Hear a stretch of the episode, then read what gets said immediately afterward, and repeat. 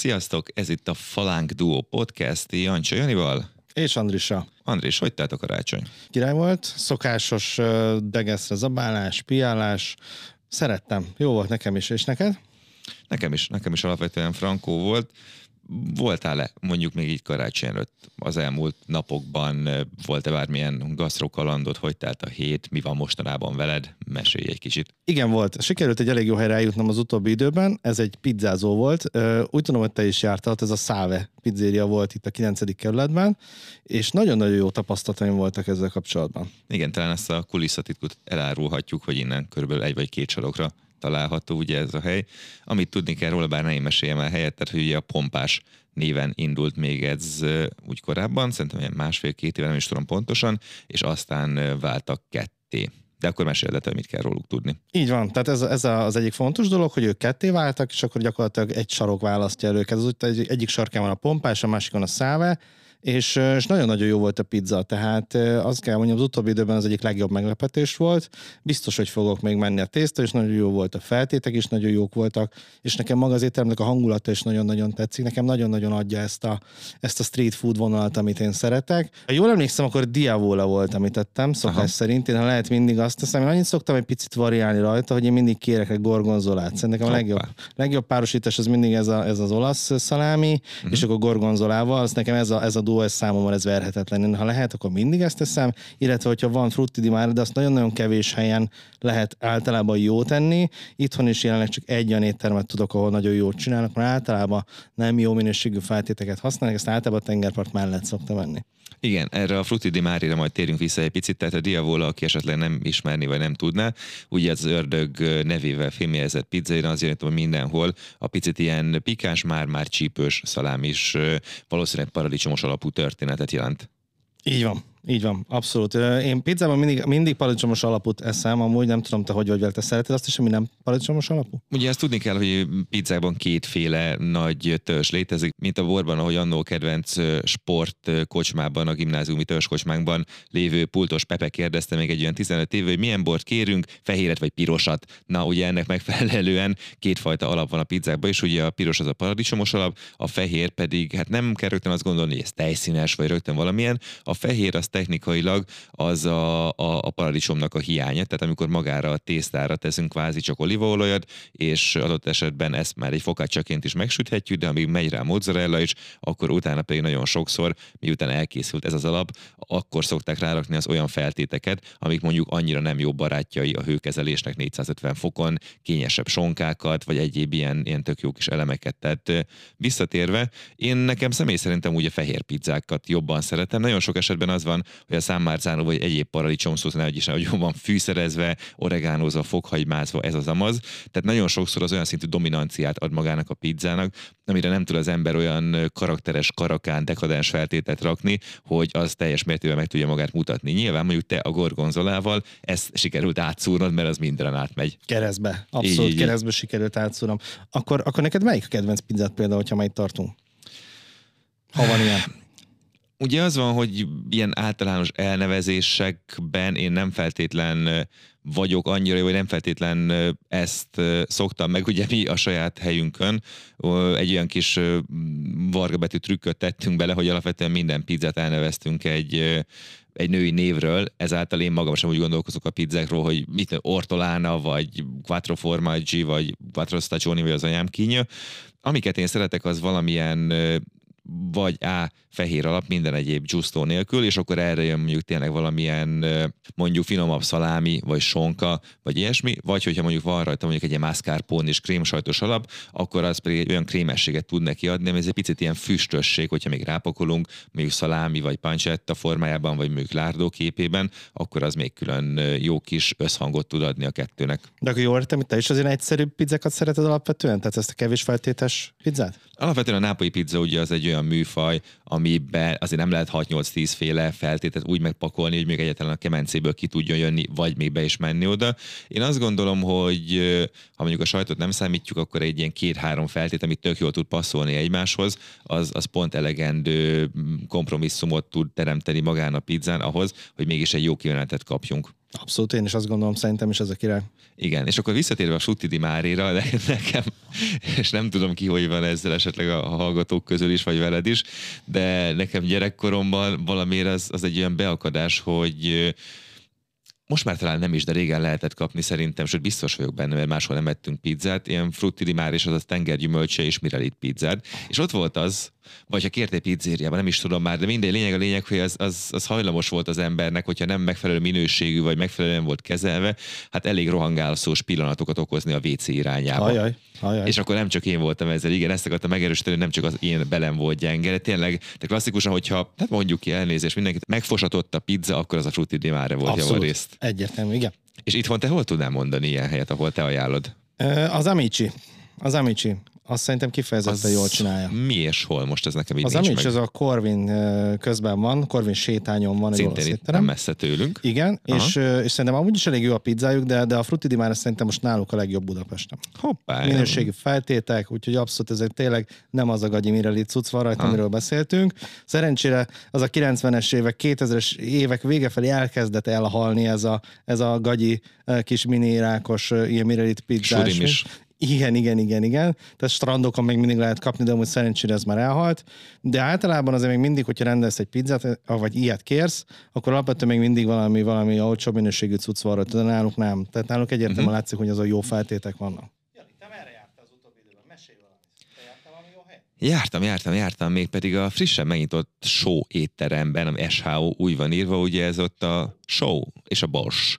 Ez ott a MOL Campus aljában lévő olyan épülő újbudai hát nem tudom, lakópark, negyed, nem tudom, minek lehet ezt nevezni, annak az aljában nyílt, és leginkább most így ősszel, hát novemberben, december elején azzal hívta fel magára a figyelmet, hogy Huszák Krisztián most pontosan, hogy odaigazolt és sakot van, vagy a többi dolga mellett csinálgatja, az pontosan nem tudom, de hogy ő a felelős az étlap elkészítésért, már csak olyannyira is, hogy amikor pontot voltunk, ott mellettünk lévő, szerintem ők is ilyen gasztró újságírók lehettek, pont interjúztatták a séfet alapvetően amit tudni kell róla, hogy egy földszinten lévő, relatív hosszúkás alakzatban a végén egy látványkonyhával rendelkező étterem, és hát nem is tudom, hogy fogalmazom meg, ugye Huszák Krisztiánnak van egy ilyen távol-keleti beakadása már egy igen-igen jó ideje, és ez van talán így a, a magyar, hmm, francia, nem is tudom, konyhaművészettel itt a helyszínen összecsiszolódva, hogy mondjak pár példát, az ételek között volt egy kacsakonszommi, amit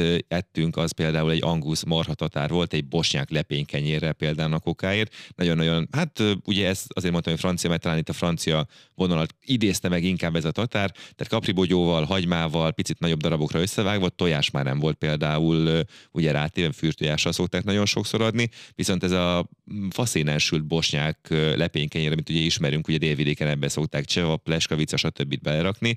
Így ezzel a kombóval nem volt semmi amit korábban ne láttunk volna, de nagyon-nagyon frankó kivitelezése volt az egésznek.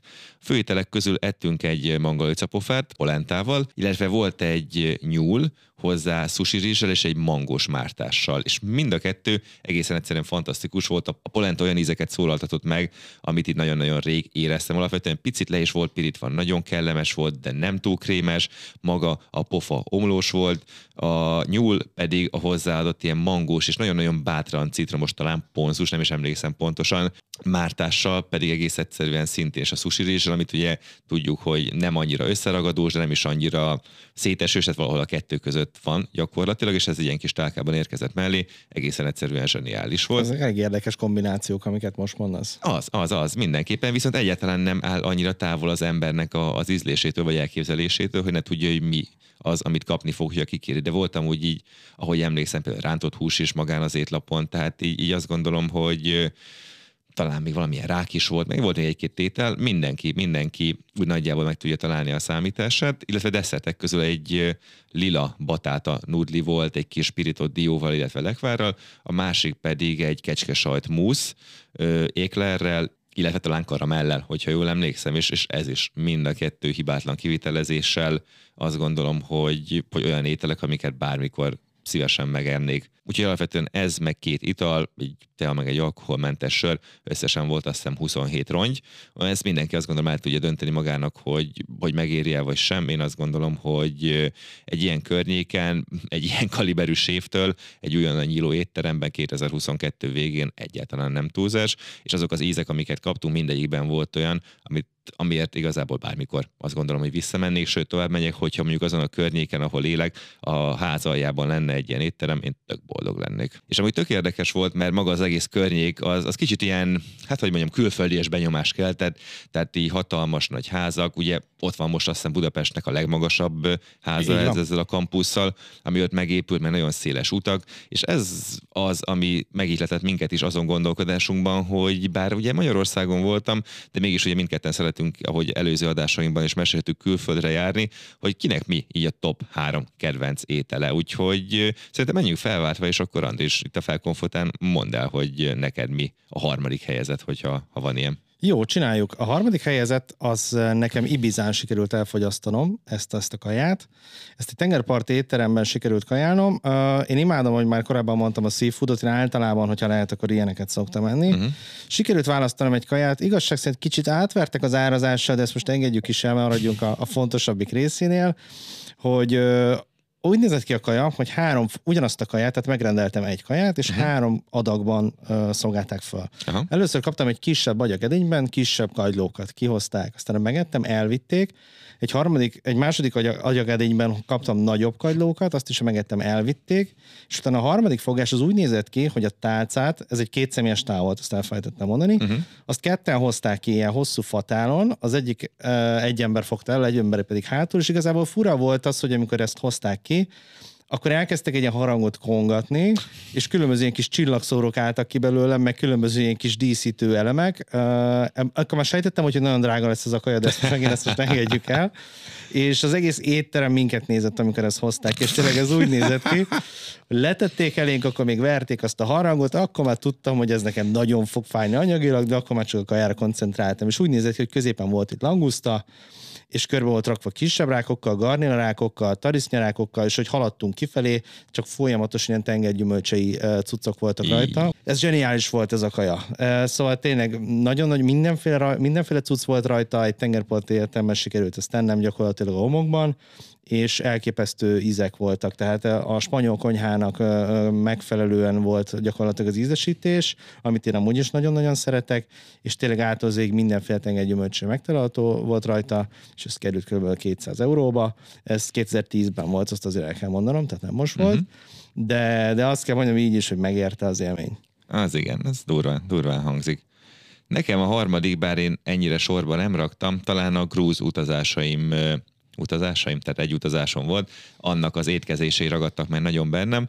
Ugye nem tudom, te voltál már Grúziában? Nem, még nem. Alapvetően nekem ez az első utam volt ide ebbe a közép-kaukázusra lehet így fogalmazni vidékre, és ami nagyon tetszett, hogy gyakorlatilag minden étteremben van egy ilyen óriási nagy fatüzelésű kemence, amiben ott sütik a, a minden étlap szinte kötelező elemét, a hacsapurit. Ugye ez az itthoni, főleg Budapesten lakó embereknek talán onnan lehet ismerős, hogy már itt is szerintem egy évtizede kb. létezik most, hogy éppen hogy áll, azt nem tudom, a hacsapuri étterem, de hogy mi is ez a hacsapuri, ez igazából egy grúz tésztahajó hogyha, hogyha lehet így fogalmazni. Ez egy hosszúkás, hát, hogy mondjam más, hogy ilyen szót saját magával nem magyarázunk, tésztából készült tároló edény, nyilván a tészta is elfogyasztható, amolyan Mátyás király és a, a leves módozatával, és ez van megtöltve ilyen grúz sajtal, vagy lehet benne mondjuk húsos töltelék is, igazából attól függően, hogy az ember mit akar kérni, a tradicionális az inkább egy ilyen sajtosabb vonal, és akkor a közepére rá van ütve egy tojás, és ez megy be a kemencébe, és ott sül meg, ami ezáltal egy ilyen nagyon lágy, omlós, nyúlós, folyós egyveleget képez, ami mind a tésztának a, az ízvilága, mind pedig ugye a, a faszenes kemencében való sütés miatt egy egészen, egészen zseniális olyan élmény nyújt. Amikor először megérkeztünk oda egy egész éjszakás hosszú utazás után, kb. 8 és fél kóbor kutyától követve és övezve, azt kell mondjam, hogy amikor ezt elfogyasztottuk, utána egy egészen, egészen más dimenzióba éreztük magunkat. És Grúziáról még annyit szeretnék elmondani, hogy alapvetően bár elég messze van tőlünk, valami félúton azt gondolom a távol-kelet és, és a mi európai részünk között, de mégis ott még az ismerős alapanyagok csomagok várnak minket, és nem az van, hogy ránézünk valamire, akkor tudni kell róla, hogy most egy kutyahagyat eszünk, vagy éppen egy csirkelábad. Tehát a húsok, a fűszerek, azok mind ugyanazok, mint amiket itthon, ha nem is használunk feltétlenül mindig, de ismerünk, de a másik oldalon nézve olyan kombinációba tudják őket összerakni, fantasztikus mártásokba, szószokba és minden egyébbe, ami, ami itthon ismeretlen. Tehát még megvan az, hogy tudjuk, mit teszünk, de egy olyan élményt tud adni, amivel még ideig nem találkoztunk, úgyhogy aki Budapesten van egy-két grúz étterem, én nagyon-nagyon jó szívvel tudom ajánlani, mert, mert tényleg pont ezt a feelinget tudják visszaadni. Nekem a következő, én most kifejezetten nem is egy ételt mondanék, hanem inkább egy helyet mondanék, de azért említek néhány kaját is. Ez Tájföldön Pataján volt. Itt úgy néz ki, hogy rengeteg mondjuk, családi vállalkozás van Tájföldön, az abszolút jellemző. Tehát összefog a család, papa, mama, gyerekek, és akkor csinálnak mondjuk egy bármilyen vállalkozás, de főként éttermet mm. csinálnak így általában. És volt egy étterem, amit kifejezetten szerettük. Ez úgy nézett ki, ez egy kis kocsi volt. Um, gyakorlatilag ez a három ember fért be belülre szűken, és akkor kifelé árusítottak, úgy nézett ki, kinyitották minden egy ablakát, és tehát egy food truck volt, mondhatjuk. Nem. Nem, egy bódé volt, akkor inkább így Aha. mondanám, egy bódé, kerekei szerintem nem voltak, uh-huh és, és reggel jöttek, kinyitották a négy ajtát, és akkor belülről kifelé árultak tulajdonképpen, és úgy nézett ki, hogy egy három generáció dolgozott ott, tehát az unoka volt ott, az anyuka volt, és a nagymama volt uh-huh. ott, és igazi tájházias ételeket csináltak, tehát beszélgettünk is ott velük pár szót, abszolút a, a, a mamának a generációjától indultak a receptek, és egészen a fiatal generációig az új modern recepteket is árulták, és elképesztő jó ízek voltak, tehát semmi más nem kell elképzelni, volt nekik egy darab hűtő, nyilván itt sincsen nincsenek olyanok, hogy kategorizálva vannak, hogy mit milyen hűtőbe tárolunk, tehát van egy darab hűtő a kis bódéba. De nincsen szakosítva. Nincs. Ilyen nincs.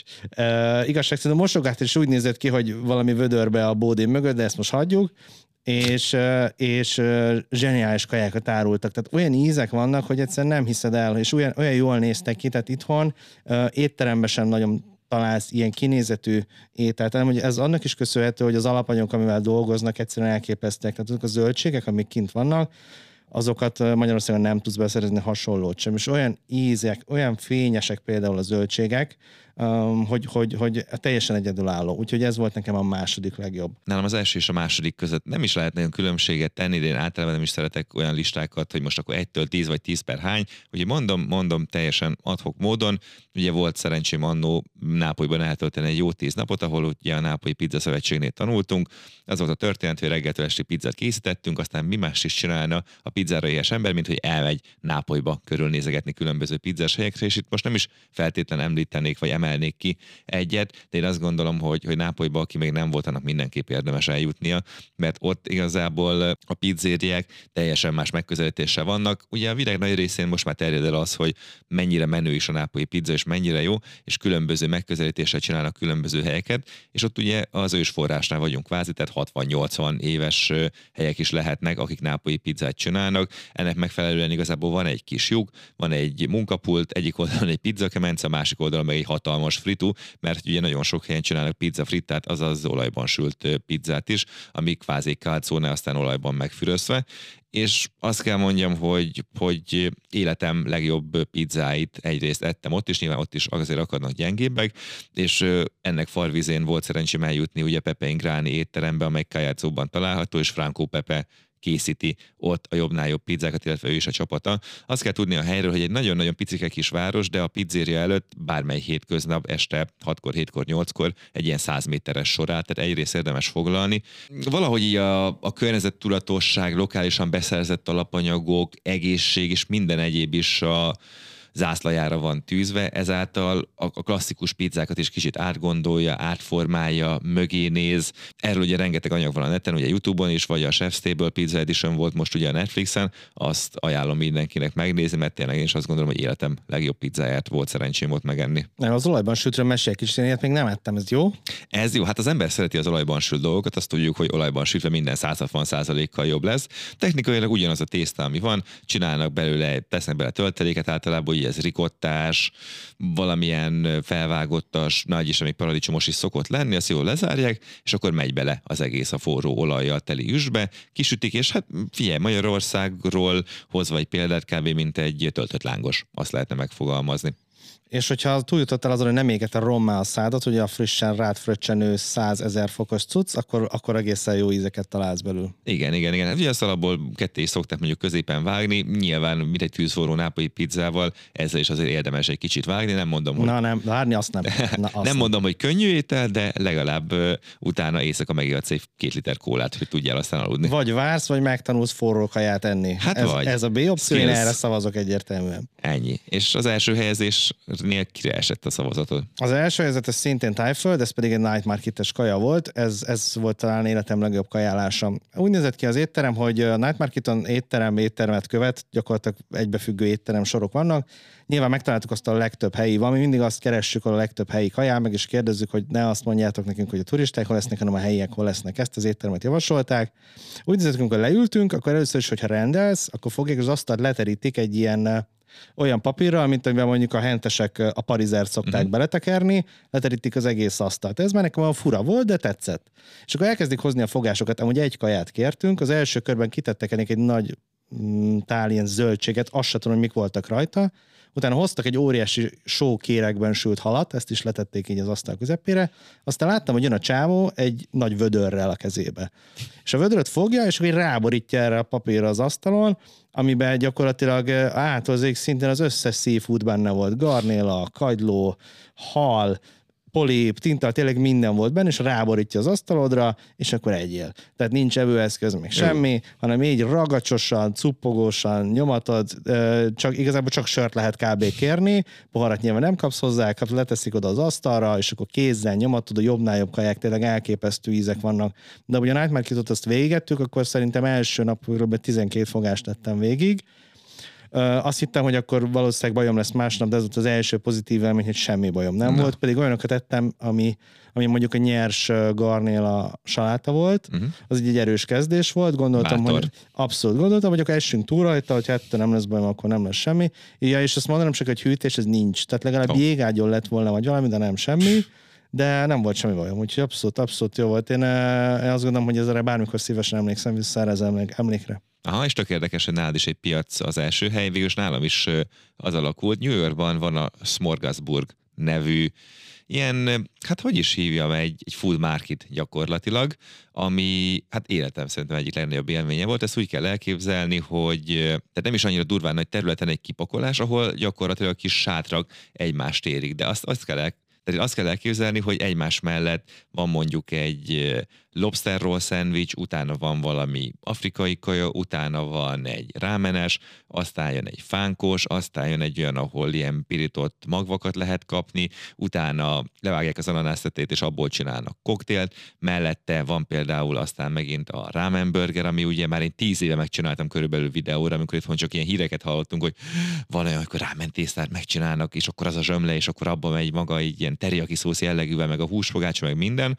De aki szemfüles, az meg is találja erről a videómat tényleg 2013 4-ből, nem is tudom mikor, és akkor az az élmény, amikor ezt itt New Yorkba, az, az originálnak hívott ramen burger meg tudod kóstolni, és tényleg amúgy baromi jó. Nem tudom, barbecue-tól kezdve, és, és nagyon sok olyan vállalkozás van, akik ilyen nagy burgeressé vagy nagy helyén nőtték ki magukat, és annó a Smorgasburgi Fesztiválról indultak el, és ott validálták a terméküket, és annyira megtetszett az embereknek, Smash Burgerekről ne is beszéljek például, hogy, hogy aztán ebből tudtak egy vállalkozást építeni. És, és fantasztikus, és az van, hogy azon gondolkozol, hogy igazából melyikeket kóstolod meg, vagy melyiket felezzétek el, mert látod, hogy van, tehát te bírsz enni X-et, és öt észnyi kaja van. És, és tudod, hogy csak egyszer leszel ott körülbelül, és minél többet meg szeretnék kóstolni, és amikor tényleg azon gondolkozol, hogy akkor most a, a, a homáros kifli legyen, vagy éppen még egy baromi jó burgert kóstoljál meg, az hát értem én, hogy egy szórakozásnak tűnik, de igen kemény döntéseket kell ott meghozni.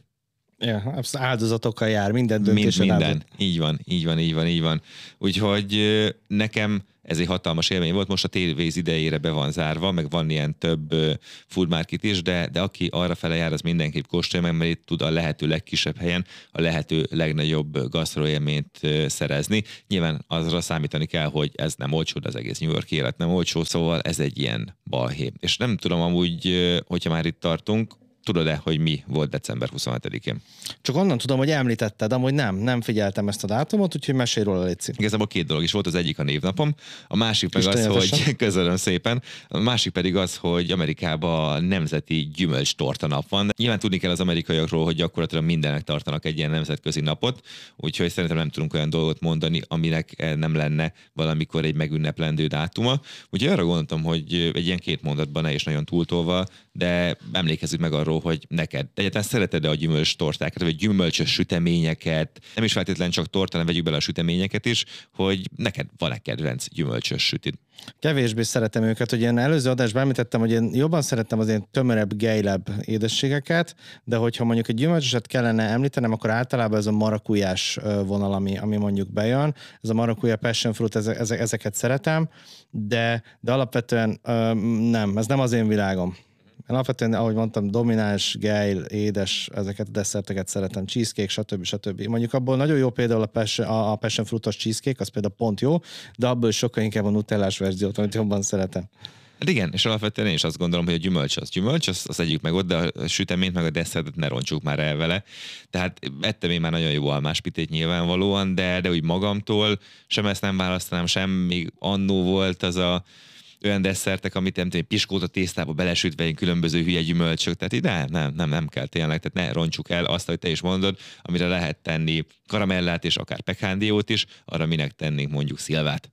Úgyhogy... Nem egy kategória kettő. Hát nem, nem, nem, nem. Úgyhogy szívünkből szól minden kedves gondolata a gyümölcsös sütemény kedvelőknek, de mi nem azok vagyunk. Ellenben azok vagyunk, akik veletek együtt azt gondolom ezt a 2022-es évet így végigélték, és végig kóstolták, végig falták, hogyha lehet így fogalmazni, és arra gondoltunk, hogy itt az adás második felébe egy kicsit azt fogjuk így átbeszélgetni, hogy ki mit gondol erről az évről. Milyen volt, milyen nem volt, milyen nehézségek voltak, mind szakmailag, mind emberileg, Úgyhogy Andris, ha gondolod, akkor... Nagyon tartalmas év volt ez a 2022, nyilván inkább több negatívum volt benne, ami a, ami a, a hazai gasztrót, hazai vendéglátást érinti, mint pozitívum, de azért voltak szerencsére jó dolgok is. Negatívot azt most ugye többet tudunk sajnos említeni, és azt gondolom, hogy nagyon nagy kihívások elé néz a vendéglátás már most is, de jövőre ez még inkább csak fokozódni fog. A munkaerőről beszéltünk már múltkor, tehát az is egy folyamatosan fennálló probléma. Most mellé még hozzájött ugye ez a rezsi, rezsi dolog, és ez, ez egy szerintem egy nagyon nagy probléma, egyértelműen nagy probléma, és ez nagyon-nagyon sokak számára szerintem ez egy olyan kihívás lesz, amit nem fognak tudni megugrani, mert ezt hozzá kell tennem, hogy mindig, mindenkinek szorítunk, és nagyon bízunk abban, hogy fognak olyan döntések születni, akár kormányzati döntések, amik ebben fognak tudni segíteni.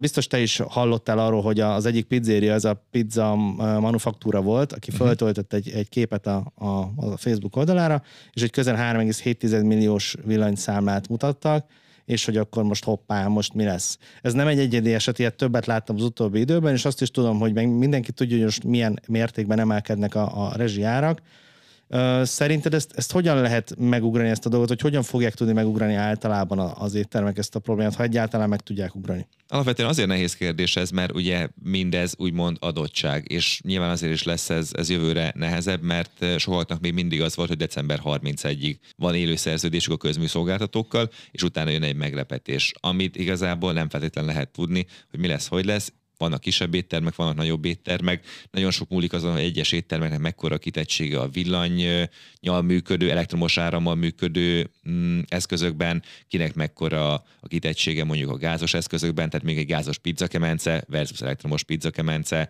vagy mondjuk elektromos sorslap, vagy gáztűzhely, ugye mondok különböző dolgokat, amik ugye lehetnek az éttermekbe, a hűtők azok általában, sőt mindig elektromos árammal működnek, Viszont van rengeteg olyan eszköz, aminek a léte nélkül effektíven nem lehet működni. Amit lehet tenni, ugye optimalizálni, és, és azt gondolom, hogy nagyon sokan már most is ezt teszik. Értem ez alatt azt, hogy biztos, hogy kell mennie mindennek a lehetőleg magasabb hőfokon egész nap végéig. Lehet, hogy igazából vannak olyan holt időszakok, amikor lehet azzal játszani, nyilván nem a hűtőt, de mondjuk egy roslapot, az kicsit lejjebb tekerni. És hogyha olyan gyors vagy jó reakció ideje van, hogy ez nem veszélyezteti magát a normál működést, ez is egy megoldás lehet. Meg lehet nézni, mik azok az eszközök, amik mondjuk nem annyira jó fogyasztanak, és lehet, hogy rövid távon egy picit nagyobb kiadás az egész, de egy közép-hosszú távon már be tudják hozni azt a pénzt, ami mondjuk kerültek pluszban. És, és azt gondolom, hogy nyilván a, a fűtéssel, hűtéssel is lehet játszani, nyilván azt elkerülve, hogy odakint hideg van, azért az étteremben ne feltétlen fázzanak az emberek, de nem is kell 30 fok mondjuk, azt gondolom, hogyha főleg ha van benne 50 vagy 100 ember. Azért is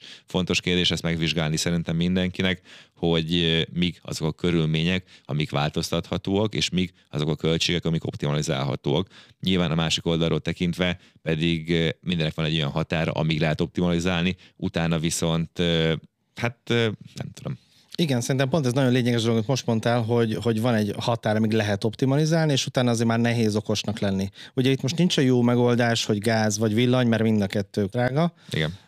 Az egyik az egy kicsit drágább, de igazából mind a kettő irreálisan drága, és valamelyikre, vagy mind a kettőre szüksége van minden étteremnek. Ugye ez, ez most itt egy nagyon nehéz, nagyon nagy hiba faktor szerintem ebben a dologban. Kivéve, hogyha valaki százszerzalékban klasszik texasi stílusú fatüzeléses barbecue-ban nyomul, igen, csak azt a belvárosban viszonylag nehéz kivitelni. Hát igen, és nagyon másra tudnék mondani, szegény őrház bezárásával pedig végképp nem, nem, nem jellemző a dolog. Szóval igen.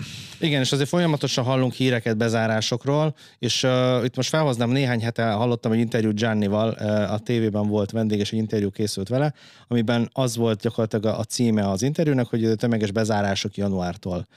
Ő kifejtette, hogy, hogy mi várható januártól szerinte, és ugye nyilván a december időszak az a vendéglátásban mindig jó az egyik legerősebb hónap szokott lenni. Ilyenkor még az emberek azért el tudják viselni azt a nagyobb anyagi terheket is, amik jönnek, de ugye, ahogy te is mondtad, itt a nagy terhek igazából januártól fognak jönni, mert ugye decemberig még általában élnek a szerződések, és januártól vannak az új szerződések, amik átlagban olyan ötször fognak ö, többe kerülni, mint a mostani számlák.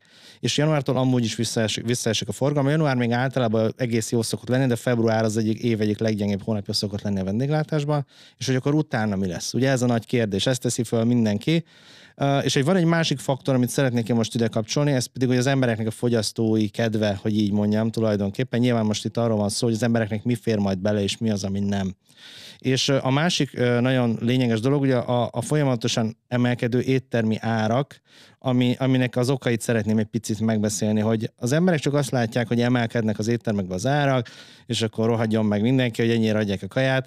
Na most nem azért adják ennyire, mert, mert ilyen kedvük van, hanem folyamatosan vannak olyan olyan dolgok, ami, amik, ezt, amik ezt előidézik, leginkább a folyamatosan napról napra, hétről hétre emelkedő alapanyagárak, folyamatosan emelkedő rezsiárak és a munkabérek és gyakorlatilag ezek miatt folyamatosan emelni kell az, az éttermekben az árakat, és ebből kifolyólag nyilván jön a fogyasztói kepnek a csökkenése is, azt gondolom, hogy ez is egy, ez is egy, egy, egy, egy tényleges probléma, és emellé van a, a folyamatos rezsi emelkedés az éttermeknek, tehát ez a kettőnek az összessége szerintem egy olyan dolog, ami, ami egyértelműen rossz előjel a vendéglátás számára. Erről te mit gondolsz?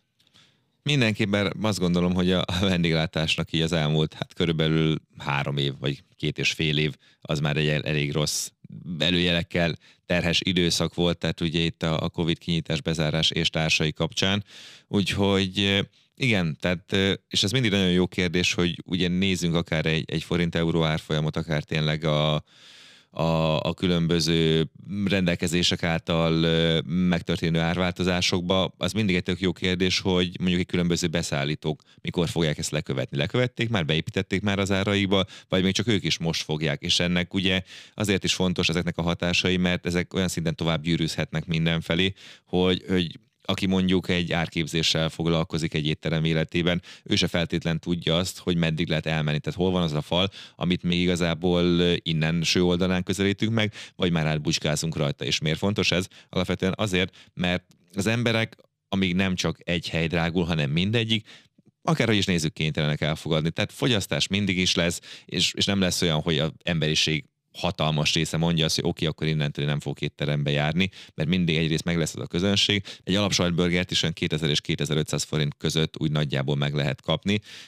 és azt gondolom, hogy az emberek ezt már hogy beépítették a saját életükbe, és igazából látják, hogy mi volt két éve, mi volt egy éve, de lemennek a boltba egy doboz tojásért, és az meg ennek mondjuk a fele. És akkor nem, nem mondtam annyira sokat. Tehát azt gondolom, hogy az emberek is szépen lassan szoknak hozzá a dolgokhoz, és még az elején mindenkinél van egy nagy sok, hogy és akkor inkább nem tudom, nem megyek ki az étteremből, de a rendelős oldalon visszarakom azt a kaját, és inkább főzök magamnak valamit otthon a hűtőből, de szépen lassan azt gondolom, hogy a szokásokat az nem teljesen tudja megváltoztatni, hogy az árak drágulnak.